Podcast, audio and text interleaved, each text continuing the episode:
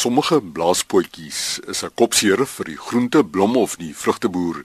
Die jongste navorsing op die bitterklein insek het interessante inligting na vore gebring wat vir die boer en ook die tuinier van groot waarde kan wees. Baie welkom Dr Eleonora Elsop, insektekundige by LNR Infotech net voorby op Stellenbosch. Blaaspotjies is bitterklein insekte. Hulle is omtrent 1 na 1.5 mm in lengte.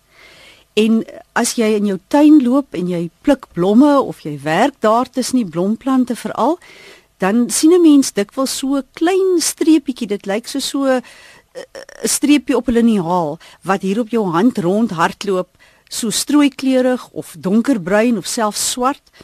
En meeste mense sien die dingetjie en hulle skud hom af, maar hulle weet nie wat dit is nie. Nou daardie klein streepies is blaaspotjies. Die Engelse naam vir hom is thrips. Die blaaspotjie in Afrikaans het die oorsprong in klein blaasies wat die insek op die potjies se voorpunte het wat help dat hulle aan gladde oppervlakte kan vashou.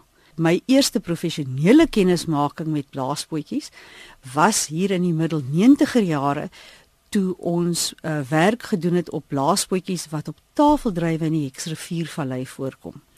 Blaaspotjies kom landwyd en inderdaad wêreldwyd voor daar is 'n groot uh, massa van spesies wat al geïdentifiseer is soos met baie ander diersoorte en insekgroepe kry jy dat die meerderheid glad nie skadelik is nie. Ons is nie eers bewus van hulle in ons omgewing nie maar daar is 'n kleiner groep wat wel ernstige landbou pla in Suid-Afrika en ook in ander lande in die wêreld is. Nou die blaasvoetjie spesies wat die wingerd en die steen en kernvrugte aanval uh veroorsaak vreedskade sulke klein kurkagtige verruwings uh, op die skil van die vrug.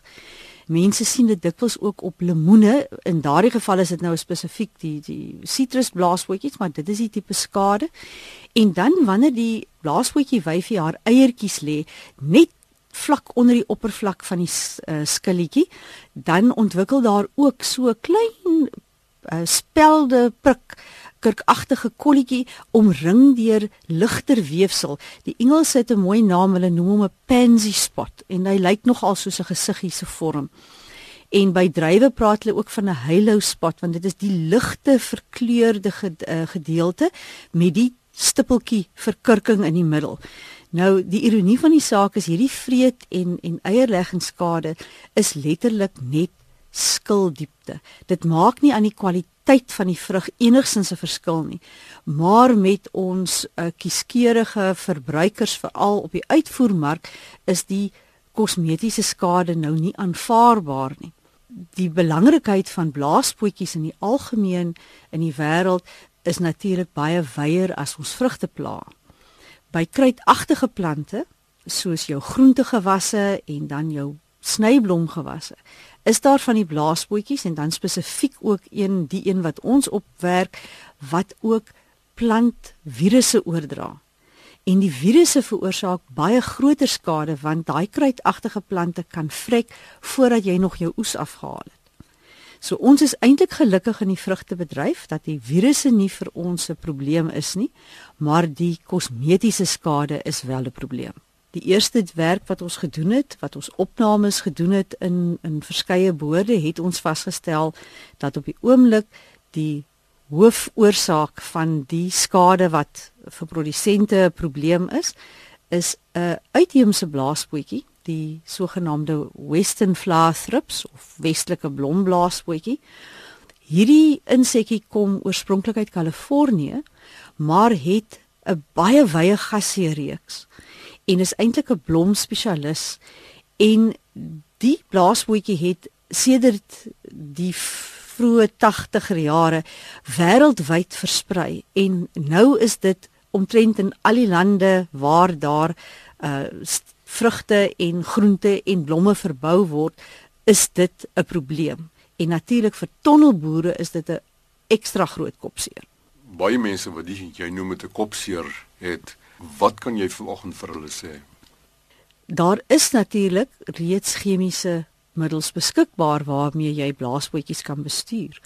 En veral wanneer dit kom by die beperking van die vreedskade wat die larvale stadiums en die volwasse blaaspootjies aanrig, dan is daardie strategie baie effektief.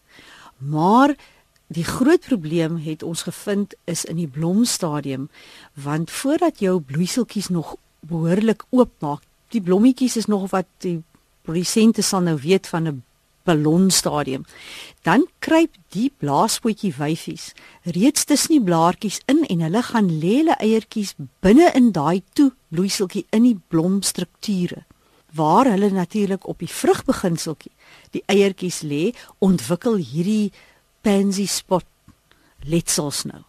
Wanneer die blaaspootjie daar binne in die bloeisel is, kan ons kontak insekdoders niks aan hom doen nie, so hy is beskerm teen die chemiese bestuur. Die ander probleem wat ons net met chemiese bestuur het is in die blomperiode is dit nie wenslik om te veel insekdoders in jou boor te spuit nie want dit is nadelig vir die bye wat ingebring word om bestuiving te bewerkstellig. Die ander baie vatbare stadium van die vrugte het vir blaasbootjie vreedskade is kort voor oes.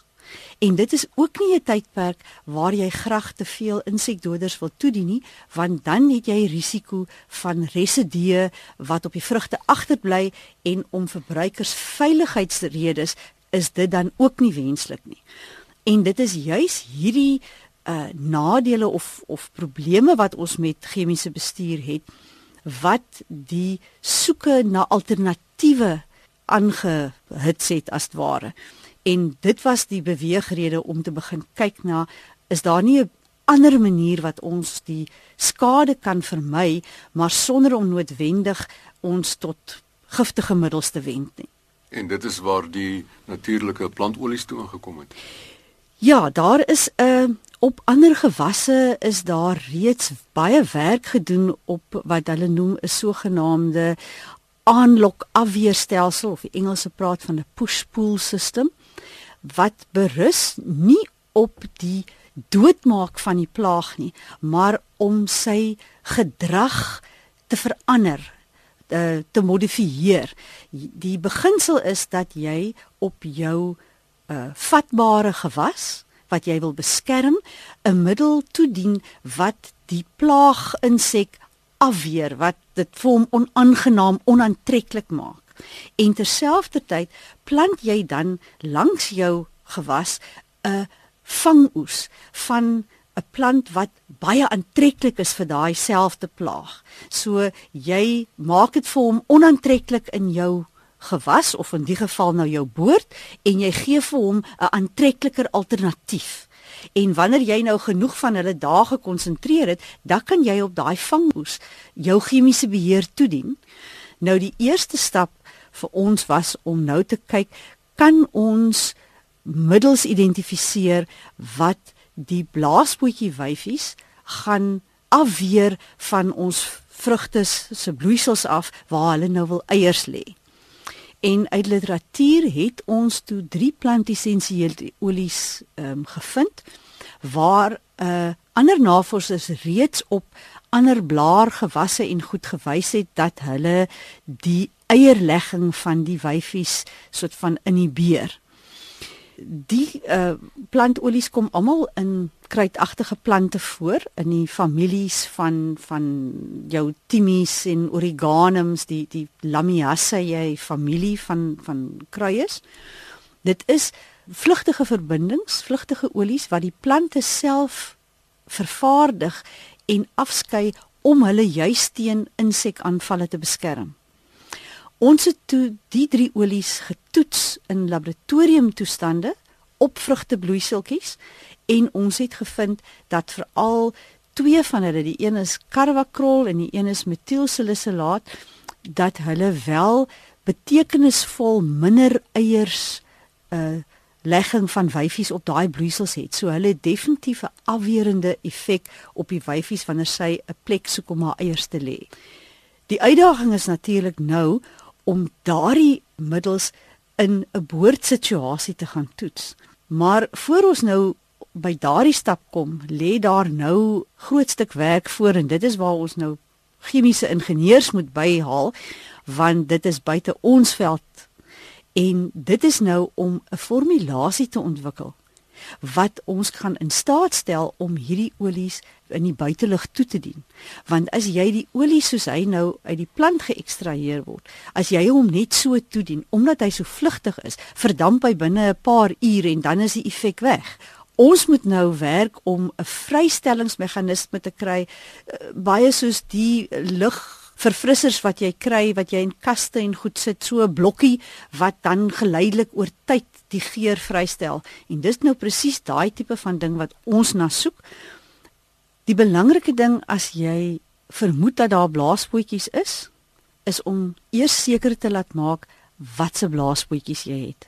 Want daar is 'n groot verskeidenheid wat in ons tuine voorkom.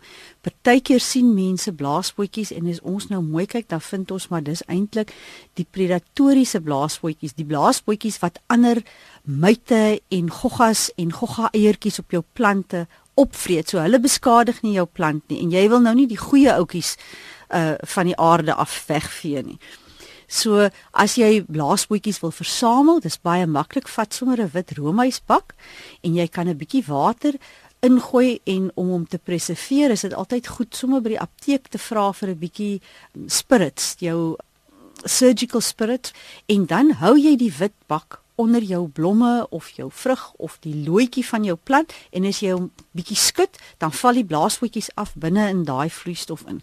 En dan kan jy die blaasvoetjies eers laat identifiseer en maak eers seker jy het skadelike blaasvoetjies en as jy nou weet met wie en wat jy te doen het, dan kan jy by jou tuinwinkels gaan vra want daar is middels wat vir die produsente op 'n landbouskaal en ook vir tuiniers op 'n kleiner skaal wat jy kan gebruik om die plaag te beheer as dit so erg is dat dit nodig is. Dit is baie belangrik dat 'n mens net eers altyd seker maak dat dit werklik 'n skadelike een is wat in jou tuin voorkom. Dr Eleonora Elsop is 'n insektekundige by LNR Infotech nuut voorby. Haar e-posadres elsop a l l s o p p e by arc.agric.za. Groete.